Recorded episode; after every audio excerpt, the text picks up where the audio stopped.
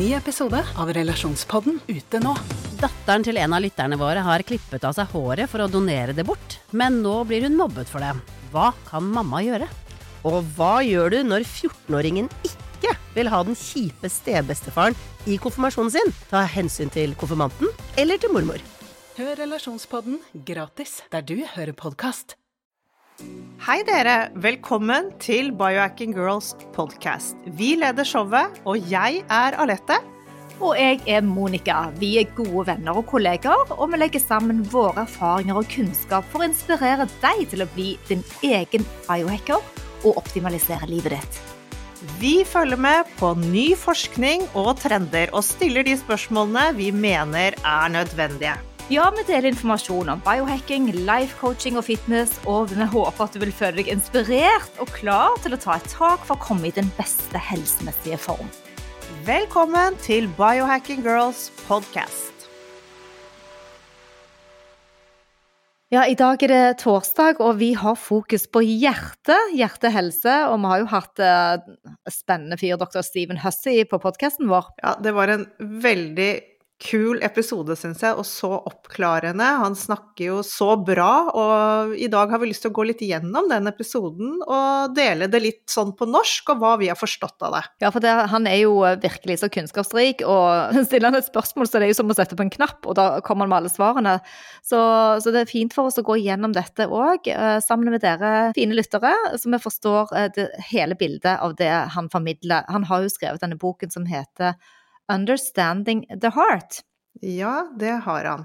Og det jeg syns går igjen i hele denne første episoden, er jo hvor utrolig åpen han er med sin egen historie. For jeg tror ikke han alltid har vært det, men nå har han liksom virkelig Han deler så mye. Og jeg ble nesten litt rørt av å, ja. av å høre han eh, snakke om dette her. Så ja. Han var jo veldig syk som barn. Han hadde jo for det første mye problemer uh, som ledet til diabetes 1. Han hadde allergier og astma, og etter hvert så fikk han diabetes 1 og måtte medisineres. Så de helseutfordringene som han hadde, det var jo det som gjorde at han ville studere både medisin og hjertelidelser og kiropraktikk.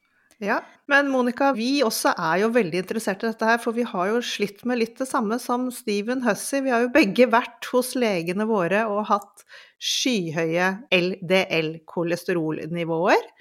Og hva sier legen din til deg da? Ja, eh, vi har jo slitt med høyt kolesterol, men heldigvis ikke noe hjertelidelser, må jeg si. Men jo, eh, min lege ville jo at jeg skal ha statiner. Jeg har til og med vært på dette som heter Lipidklinikken og tatt ekstra prøver. Og, og det er klart at jeg har et høyt LDL, og jeg har òg et høyt LP lite A, og har gjort flere utredninger og flere prøver på dette. Men dette skal vi komme tilbake til i en egen podkast. Men det er helt riktig, Alette, for vi er veldig motivert ut ifra vår egen historie. Og med flere. Vi har jo òg hun Karin Eriksson eh, eh, Rollnes, som er psykolog og har vært gjest hos oss om keto tidligere. Hun har tilsvarende våre prøver og har òg gått inn og tatt lipoprint og alle de små nivåene under der for å se. For det er faktisk sånn at det ikke alltid statiner hjelper på akkurat det. Det er mange komponenter i LDL, men vi skal komme tilbake til det. Men ja, uh, vi trenger vi, å snakke Dette skal vi gå lenger, lenger inn i. Det er helt klart. Ja, for vi trenger å snakke med leger som ser et litt større bilde enn bare de medisinene og big pharma og quick fixes og billige løsninger som står rett foran nesen din. For det at statiner er mye billigere å behandle hvis vi skal behandle høyt kolesterol med. Ja, og det er jo faktisk 500 000 mennesker bare i Norge som bruker eh, statiner. Og i USA er det jo rene galskapen. Der vil de jo til og med begynne å sette barn på medisiner.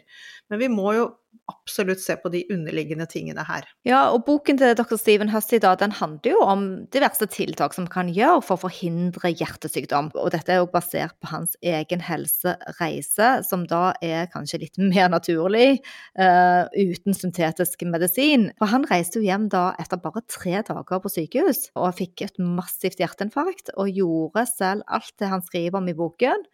Og etter tre måneder så kunne dette kardiogrammet vise at hjertet var fikset, og, og legene skjønte jo nesten ingenting. Eh, så ja, han hadde en tøff start i livet sitt, som da ville vise seg i dette hjerteinfarktet som kom 34 år senere. Men altså, jeg må bare si det er jo ganske merkelig. Han sitter og har brukt flere år på å skrive en bok om hjertehelse, og idet han skal gi den ut, så får han selv hjerteinfarkt. Jeg lurer på hva som Altså, ja, han forteller hva som gikk gjennom hodet hans da.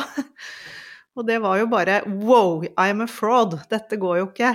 Men så, ja, men så ombestemte han seg og tenkte at ja, dette må ut, for det er faktisk veldig mange andre årsaker til eh, hjerte- og karsykdommer. Ja, altså han, han, var jo usikker på om, om han turde å gi ut boken i det hele tatt. Og han sier vel selv òg at han hadde ikke vært så flink til å gjøre alle de rådene han selv skriver om i uh, boken sin. Nei, han var jo bare fokusert på kost og trening. Han glemte litt de andre stressmestringsteknikkene og, og sånne ting som han da selvfølgelig begynner med senere. Ikke sant? Så men sånn så, de fleste legene snakker jo om eh, årsaken til hjertelidelser er jo mettet fett og kolesterol. Så det ga jo ikke helt mening når han tok gode matvalg, for det gjorde han jo hele tiden. Og, men det skjedde jo en sånn stresset opplevelse i hans liv eh, dagen før han fikk hjerteinfarkt. Det var akkurat det. Var det var uh, noe personlig, noe som hadde skjedd med noen i familien hans som ikke det var mulig å hjelpe, og han kjente på et ekstremt stress. Og våkner opp dagen etter da og får rett og slett et hjerteinfarkt. Ja, og det var da i en sånn klottform i venstre hjerteklapp. Så aterosklerose, som da er en ansamling av fett, eh, spesielt kolesterol og betennelsesceller, de hvite cellene, i de mellomstore og de store arteriene. Og etter hvert så kan arterien bli så trang at tilførselen av oksygen og næring eh, til deler av kroppen blir da dårligere. Så han følte seg jo helt elendig, for han følte han hadde sviktet. Mm, ikke sant? Han følte jo at han ikke hadde gjort det han eh, skulle. Så ja, men tanken snudde raskt da han lå på sykehuset og så hvordan legene tenkte. Så tenkte han jo bare dette må jo ut. Han ligger der og er så, mer sårbar enn han noen gang har vært. Uh, og han tror han kan stole på legene, men skjønner jo at de rådene han får der, er jo helt stikk i strid av alt det han har sett og lært seg i løpet av de siste årene når det gjelder hjerteinfarkt. Ja, fordi at én av fem som har hatt et hjerteattakk, kan få et nytt. Så det å dra eh, den så langt som Steven gjorde, og trosse legenes råd, eh, når du vet at risikoen er én av fem som kan få nytt infarkt etterpå, det krever ganske store baller, for å si det. Det krever ja. absolutt sin mann, altså. Han og hva, hva, slags råd fikk han på sykehuset? Jo da, han fikk råd om å spise masse prosessert mat, holde seg til vegetabilske oljer, korn, som var superprosessert, og han skulle holde seg unna salt. De snakket ikke om noe av det vi prater om her i biohacking-miljøet vårt. Og de praktiserte ikke noe næringtett mat, og de ville absolutt ikke at han skulle trene. Legen skremte han til og med og sa nesten at trening kunne være farlig. For kunne, ja, ville, de ville at han skulle gjøre mer rolig og rehabiliterende arbeid i denne tiden. Og bare for å gå tilbake igjen til hvilken styrke han da hadde når han ble forespeilet elleve typer medisiner, som han selvfølgelig aldri fikk noen gode svar eller argumenter fra legene på når han da stilte spørsmål ved disse medisinene. Men han, eh, han ble iallfall motivert til å gi ut boken, heldigvis etterpå, og klarte å stå imot det og sa ja takk til én medisin. Og det var den som skulle tynne ut blodet hans siden han hadde hatt en stent i kroppen. Han, ja, for han fikk stent, selvfølgelig, ja. Og da måtte han ha blodfortynnende, var det det? Mm. Ja, ikke sant. Og en mm. stent er jo en sånn type sylinder som innføres ja. ja. i en av blodårene, da, eh, eller andre deler av kroppen, for å åpne det, det vevet som er og, og, da trenger du en blodtynner. Mm. Mm. Og kroppen vil jo også ofte reagere på sånne ja, fremmedlegementer. Ja. Og, der, og, og, han eh, tok da blodtynnende medisiner i seks måneder. Men så startet han også på blodtrykksmedisin. Gjorde han ikke det? Og de jo. tok han bare ca. to uker, men han forsto raskt at det var helt unødvendig. Han var også veldig bestemt på ikke å gå på statinfellen for å senke kolesterolet, siden dette ikke var årsaken til hjerteinfarktet hans. I dag inspirerer og lærer han andre å ta en mer kritisk tilnærming til sin egen hjertehelse. Ja, og jeg merker iallfall selv når jeg snakker om kolesterol blant vennekretser, og jeg er på en middag, og det er jo så mange som har høyt kolesterol, eh, og de har fått statiner. Og hvis jeg da blir spurt hva jeg tenker, Og så sier jeg sånn, ja, men er du interessert i å høre hva jeg tenker? For jeg kan godt si det, men det er ikke sikkert du er interessert i det, og det er ikke sikkert du skal uh, lytte til meg. Så blir ofte folk litt sånn uh, Ja, nei, vet du hva, jeg, tror, jeg må bare høre på legen min, nei, for jeg, jeg vet ikke nok. Og det tror jeg faktisk er årsaken til at folk bare gjør det som legen forespeiler. Men det som var litt spennende, da, at uh, Steven var jo på sykehus i tre dager etter hjerteinfarktet. De fleste ville ligget en uke. Uh, men da visste jo ikke legene lenger hva de skulle gjøre med han, for de var jo bare vant til å bruke medisiner som eneste behandlingsmetode. Og siden han ikke tok imot noen av de rådene, så dro han hjem. Men, uh, men ekkokardiografien, som er en undersøkelse av hjertet som de bruker ultralyd for å se, viste da at hjertet hans var friskt etter to eller tre måneder. Og de vevene som var skadet, var nesten tilbake til normalen. Og nå er det gått to år, for dette var jo da i 2021. Og legene har selvsagt eh, vært sjokkerte og spurt han igjen og igjen om vi virkelig ikke hadde brukt medisinene som de hadde forespeilet. Men det som er interessant, da, eh, så jeg synes var lett at de var heller ikke interessert nok en gang i å høre hva han faktisk hadde gjort. Nei, det er helt utrolig. Men det Steven gjorde, da, det var som sagt alt som han skriver om i denne fantastiske boken. Han jobbet med sin metabolske helse. Han senket giftstoffer i kroppen. Han begynte med å bruke sauna fem til seks ganger i uken for å hjelpe denne giftdetoxen. Han fordypet seg mye mer i mindfulness og meditasjon pga. stresset. Han mener nok at stress er den største grunnen til at han, at han fikk hjerteinfarkt. Ja, det er veldig skremmende å få en hjertesykdom. Vi skal komme tilbake til de tre hovedpilarene hans i boken, da, som er årsaker, når vi snakker litt om det etterpå. Men hjertet er en muskel, eh, og dens oppgave er å flytte blod rundt i kroppen, sånn at cellene og vevene kan få nok med oksygen og de næringsstoffene det trenger.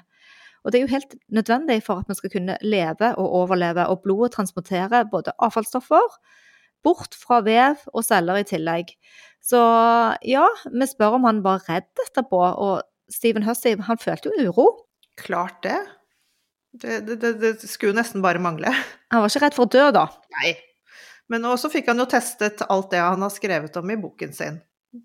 Og forsterket jo sine teorier på det. Ikke sant. Så spørsmålet er jo hvor, hvor, hvor kommer disse tankene fra? Hvor kommer fettfobien og kolesteroltankene fra? Jo, de kommer fra Ansel Keys. Det var jo han som startet med denne på 50-tallet, når Eisenhower fikk hjerteattack.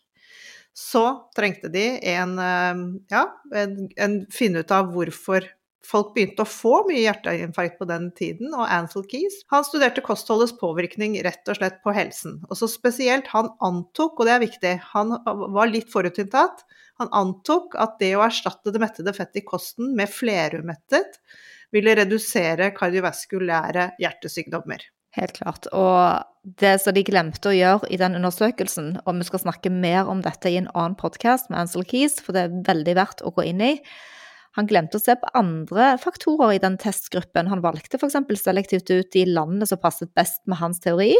Og han glemte å se på om de var røykere, og hvor mye sukker de eh, inntok, hvor mye alkohol de drakk, og hvor mye prosesserte korn og carbs de Så det, det er spennende. Så det, dette, men sånn fortsetter vi å tenke i dag. Det ble etablert på 50-tallet, den tanken at fett er farlig.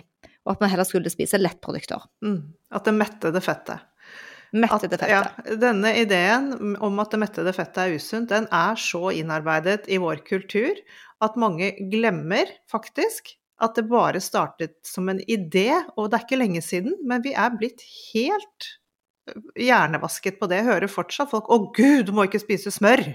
Ikke sant? Ikke sant? Det, det, vi hører det jo hele tiden. Og kolesterolet har jo da en en, egenskap. Sant? Det er et molekyl som er vitalt, og kroppen trenger den i mange eh, funksjoner.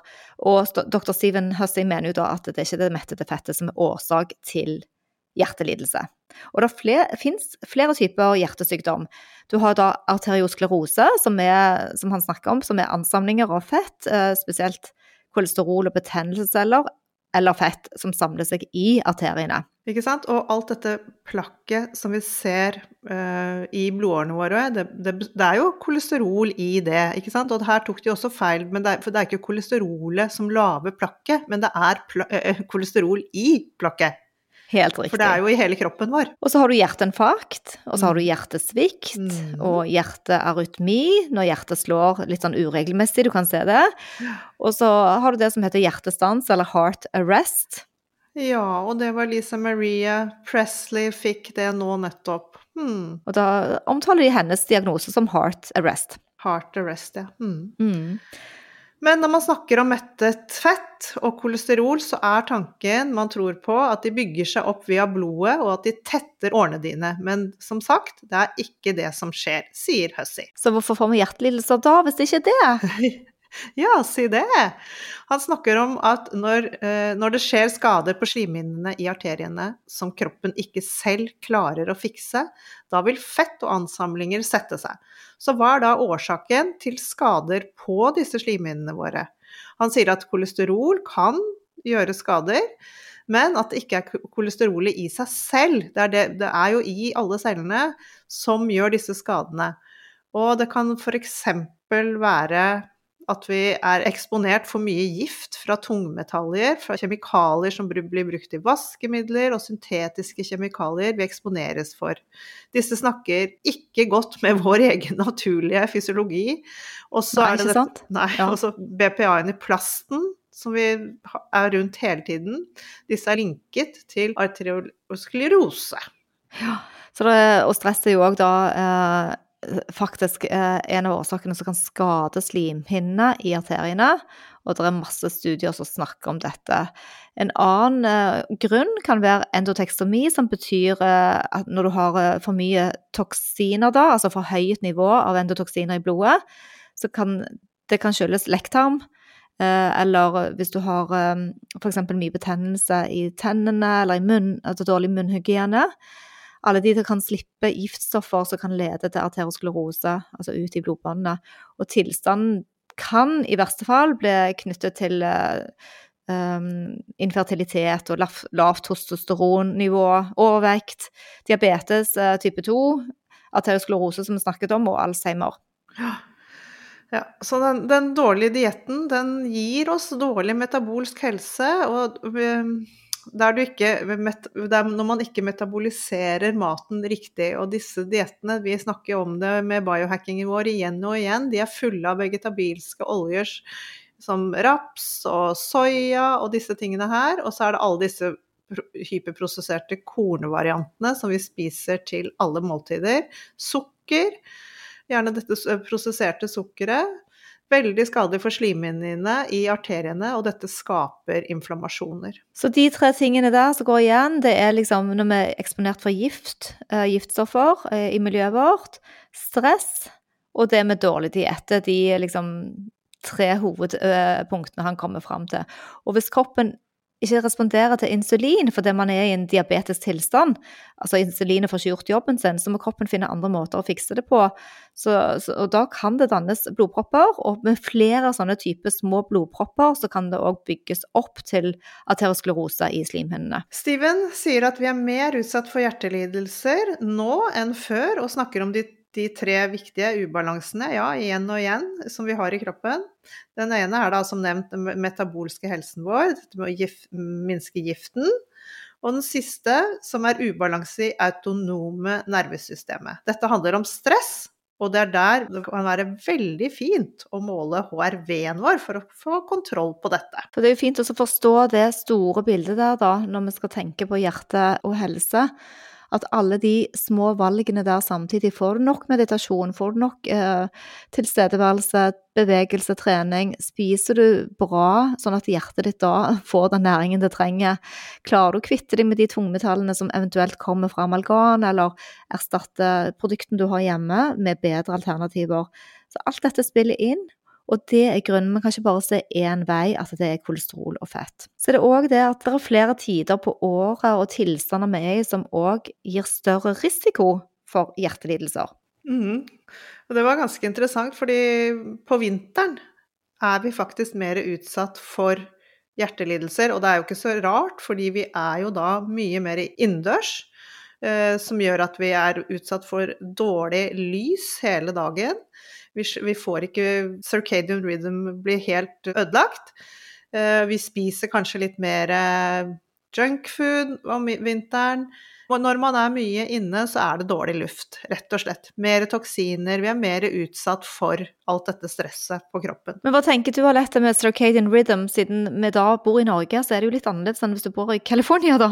Er det noen eh, gode, raske tips man bare kan gjøre der? Jepp. Og det man må tenke på, er at det er soloppgang og solnedgang. Og så må du bruke blue light blockers når det er mørkt ute. Så om morgenen frem til nå er det jo klokken ni, og om kvelden etter halv fem eller når det blir, bruk, blue light blocking glasses. Og så en god nyhet er at du trenger ikke så lenge. Ett-to minutter ute vil være nok. Og gjerne ta litt sånne pauser i løpet av dagen og bare stikk hodet ut av vinduet om du sitter på et kontor. Ett minutt. Selv om du ser litt rar ut, så gjør det. Det vil eh, holde på den circadian rhythmen din gjennom vinteren. Så alle de små endringene Vi går tilbake til den lille 5-prosenteren og 10-prosenteren som flere får snakke om. Men uh, I Don't Like Mondays, du husker den sangen der? The Monday Blue. For det mandag òg dager de har registrert da at det er mer hjertelidelser pga. økt stress, for vi begynner på uken og skal ta fart. Kortisolnivået går opp. Og generelt så er det òg mer i ferier. Det er press på oss. Vi skal liksom ha krampaktig hyggelig tid sammen, vi bruker mer penger. Ja, så alle de tingene der som utfordrer oss, eh, kan òg trigge da et hjerteinfarkt eller en hjertelidelse. Og så går vi litt inn på ketoner og glukose. Eh, for det viser seg på flere studier at hjertet faktisk foretrekker ketoner som energikilde, og de fleste organer gjør det, men det er spesielt hjertet. Hjertet vil velge ketoner og fettsyrer fremfor glukosen. Og det er lett å få til når man spiser en diett som gir en god metabolsk helse, og som hjelper kroppen å lave ketoner og fettsyrer. Vi, jo, vi liker jo lavkarbodietter, vi, Monica. Ja, men du trenger ikke gjøre det hele tiden. Du trenger, altså, hvis du ikke vil være på en uh, ketodiett, uh, så kan kroppen lage ketoner kanskje en gang i løpet av dagen bare ved å implementere litt faste eller øke på med fett. Så ketoner og fettsyre, som du ser, det er som du sier, det er rene energikilder, og du sliter mindre på kroppen. Og det har jo vist, f.eks. For i forbindelse med trening, da. Eh, når muskler brenner fra glukosen, så skapes mer stress, altså mer oksidativt stress i musklene.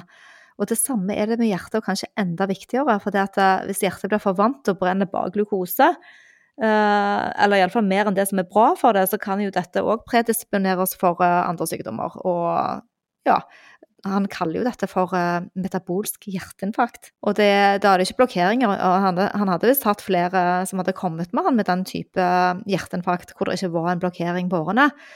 Men det er da kombinert med stress, fordi hjertet må bruke mer glukose enn det egentlig klarer. Og, og da kan blod bli hindret i å nå de vevene som er på en annen måte enn det, det som skjer ved en blokkering.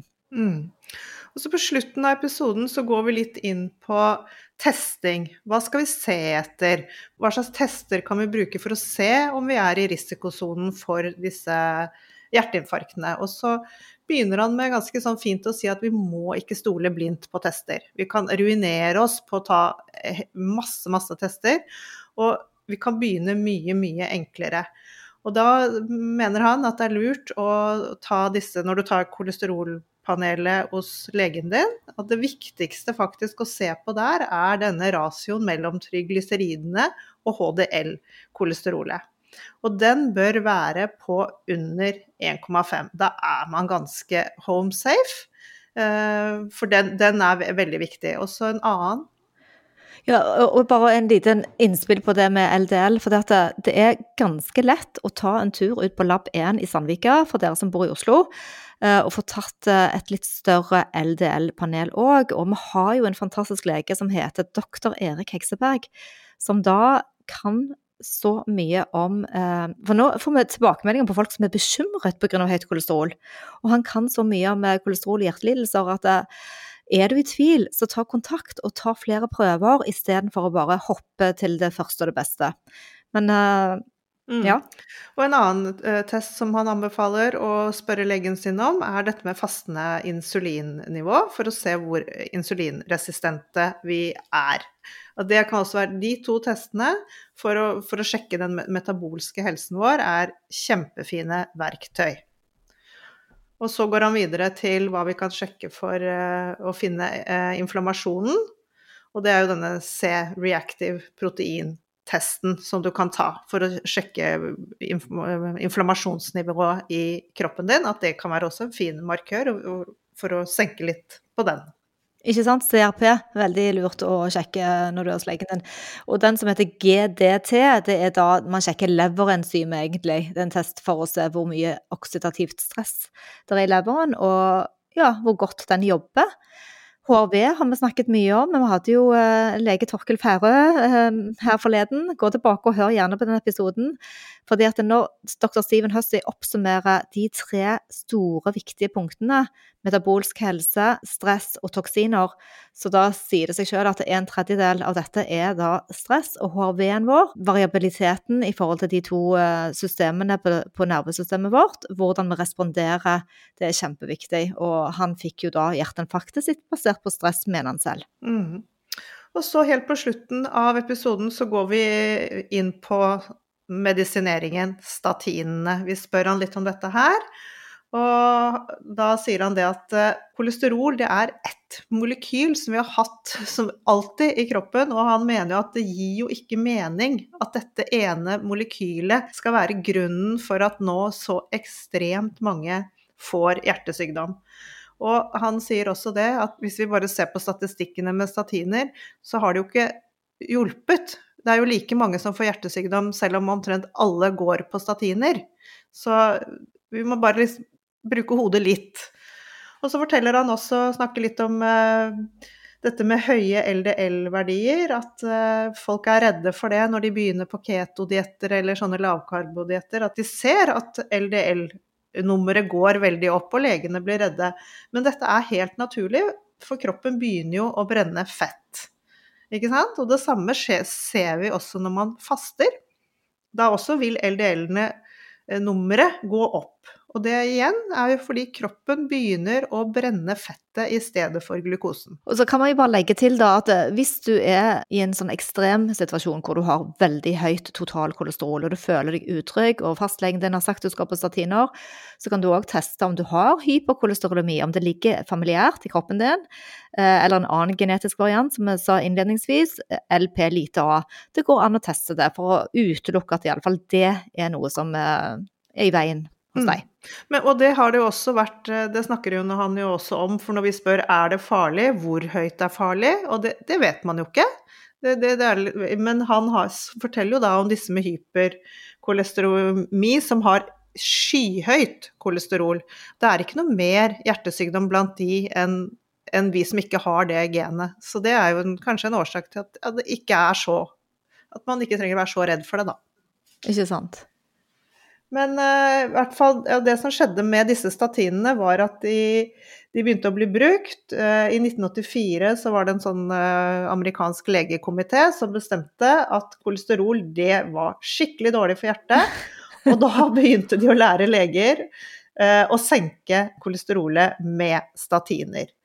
Og tallet på dette tallet som de da har brukt for å gå ut fra når du skal på statiner og ikke, det har bare blitt lavere og lavere og lavere, og flere og flere blir satt på statiner. Ehm, Men igjen, vi har like mye hjertesykdom. Og en annen ting som jeg har hørt, og jeg kan ikke egentlig gå 100% god for det, men at eh, statiner kan egentlig bare redusere LDL med opptil 25-30 Men vi må bringe Erik Hekseberg tilbake for å få mer eh, faglig kunnskap. på Ja, for vi snakket ikke så mye om For det er faktisk bivirkninger med- statiner. Det er ikke bare et sukkertøy, og det Nei, glemmer nei, nei, nei, folk å kan utvikle diabetes, så, selvfølgelig. Så Så det må vi gå litt Eh, mer tilbake på. Men vi har iallfall eh, Han gir oss òg litt råd når du skal gå til legen din, fordi det er jo til syvende og sist oss, hver og en av oss, som må ta ansvar for våre egne valg og vår egen helse. Så kan vi få alle de rådene. Men vi ønsker jo da i dette biohacking-miljøet at vi tar litt eh, handlingene i hendene våre selv. Så for eksempel så er det fint å bli din egen ekspert. Det er jo derfor vi prøver å dele så mye kunnskap vi kan, og noen ganger så tar vi feil, og andre ganger så har teoriene eller studiene utviklet seg sånn at vi må gå tilbake igjen og så tenke nytt. Eh, det er vi ydmyke for, men du sitter hele tiden i førersetet. Mm, ja, det er faktisk det er veldig viktig, det der at uh, forskningen og sånn er jo en rasende utvikling, så, så, vi må hele tiden Vi må ikke være satt i det vi en gang trodde, men vi må passe på at vi følger, følger med på alt som skjer, og, ja, og stiller spørsmål til alt. Ikke sant? Og da er det òg viktig når du kjøper deg faglige bøker som går på helsemedisin, så tenk òg at eh, to-tre år gamle bøker er nesten utdaterte. Så det er ikke noe sånn sort-hvitt svar på, på, det du får hos legen din, så du må gjøre det som er riktig for deg, og stille spørsmål. Så tilbake til dr. Steven Hussey. Vi skal jo ha en til episode med han som vi skal spille inn. Eh, men han er jo da av lavkarbotypen, uh, og nå veldig opptatt av sauna. Han er opptatt av å ta kalde dusjer, ha litt eh, periodisk faste innimellom og trene regelmessig for å holde det totale bildet på sin egen hjertehelse i god balanse. Mm, helt klart. Og den neste episoden vi skal ha med han, den kommer om noen uker. Ja. ja og da skal vi den handler da Ja, vi går litt dypere inn i HRV, da, siden vi har lyst til å se på HRV, hjertevariabiliteten fra litt forskjellige ståsteder. Eh, hva han tenker rundt det i forhold til stress, og hvordan man kan eh, ha gode verktøy selv for å, for å komme litt nærmere vår egen helse. Men òg dette med supplementer, da. For vi er jo òg litt spent på hva tar man da? Eh, hvis man ikke tar statiner og sier nei til medisiner, er det noe godt av eh, naturlige, usyntetiske supplementer som kan støtte opp om god hjertehelse? Mm, ja, så det. Gled dere til den. Ok, ha en fin uke. Vi legger under litt notater, og del gjerne episoden med andre du tror er interessert i hjertehelse. Og selvfølgelig så blir vi alltid glad for en eh, stjerne under aller helst en femmer. Ja, veldig gjerne. Det er sånn vi vokser og får budskapet vårt ut. Ha det bra. Ha det.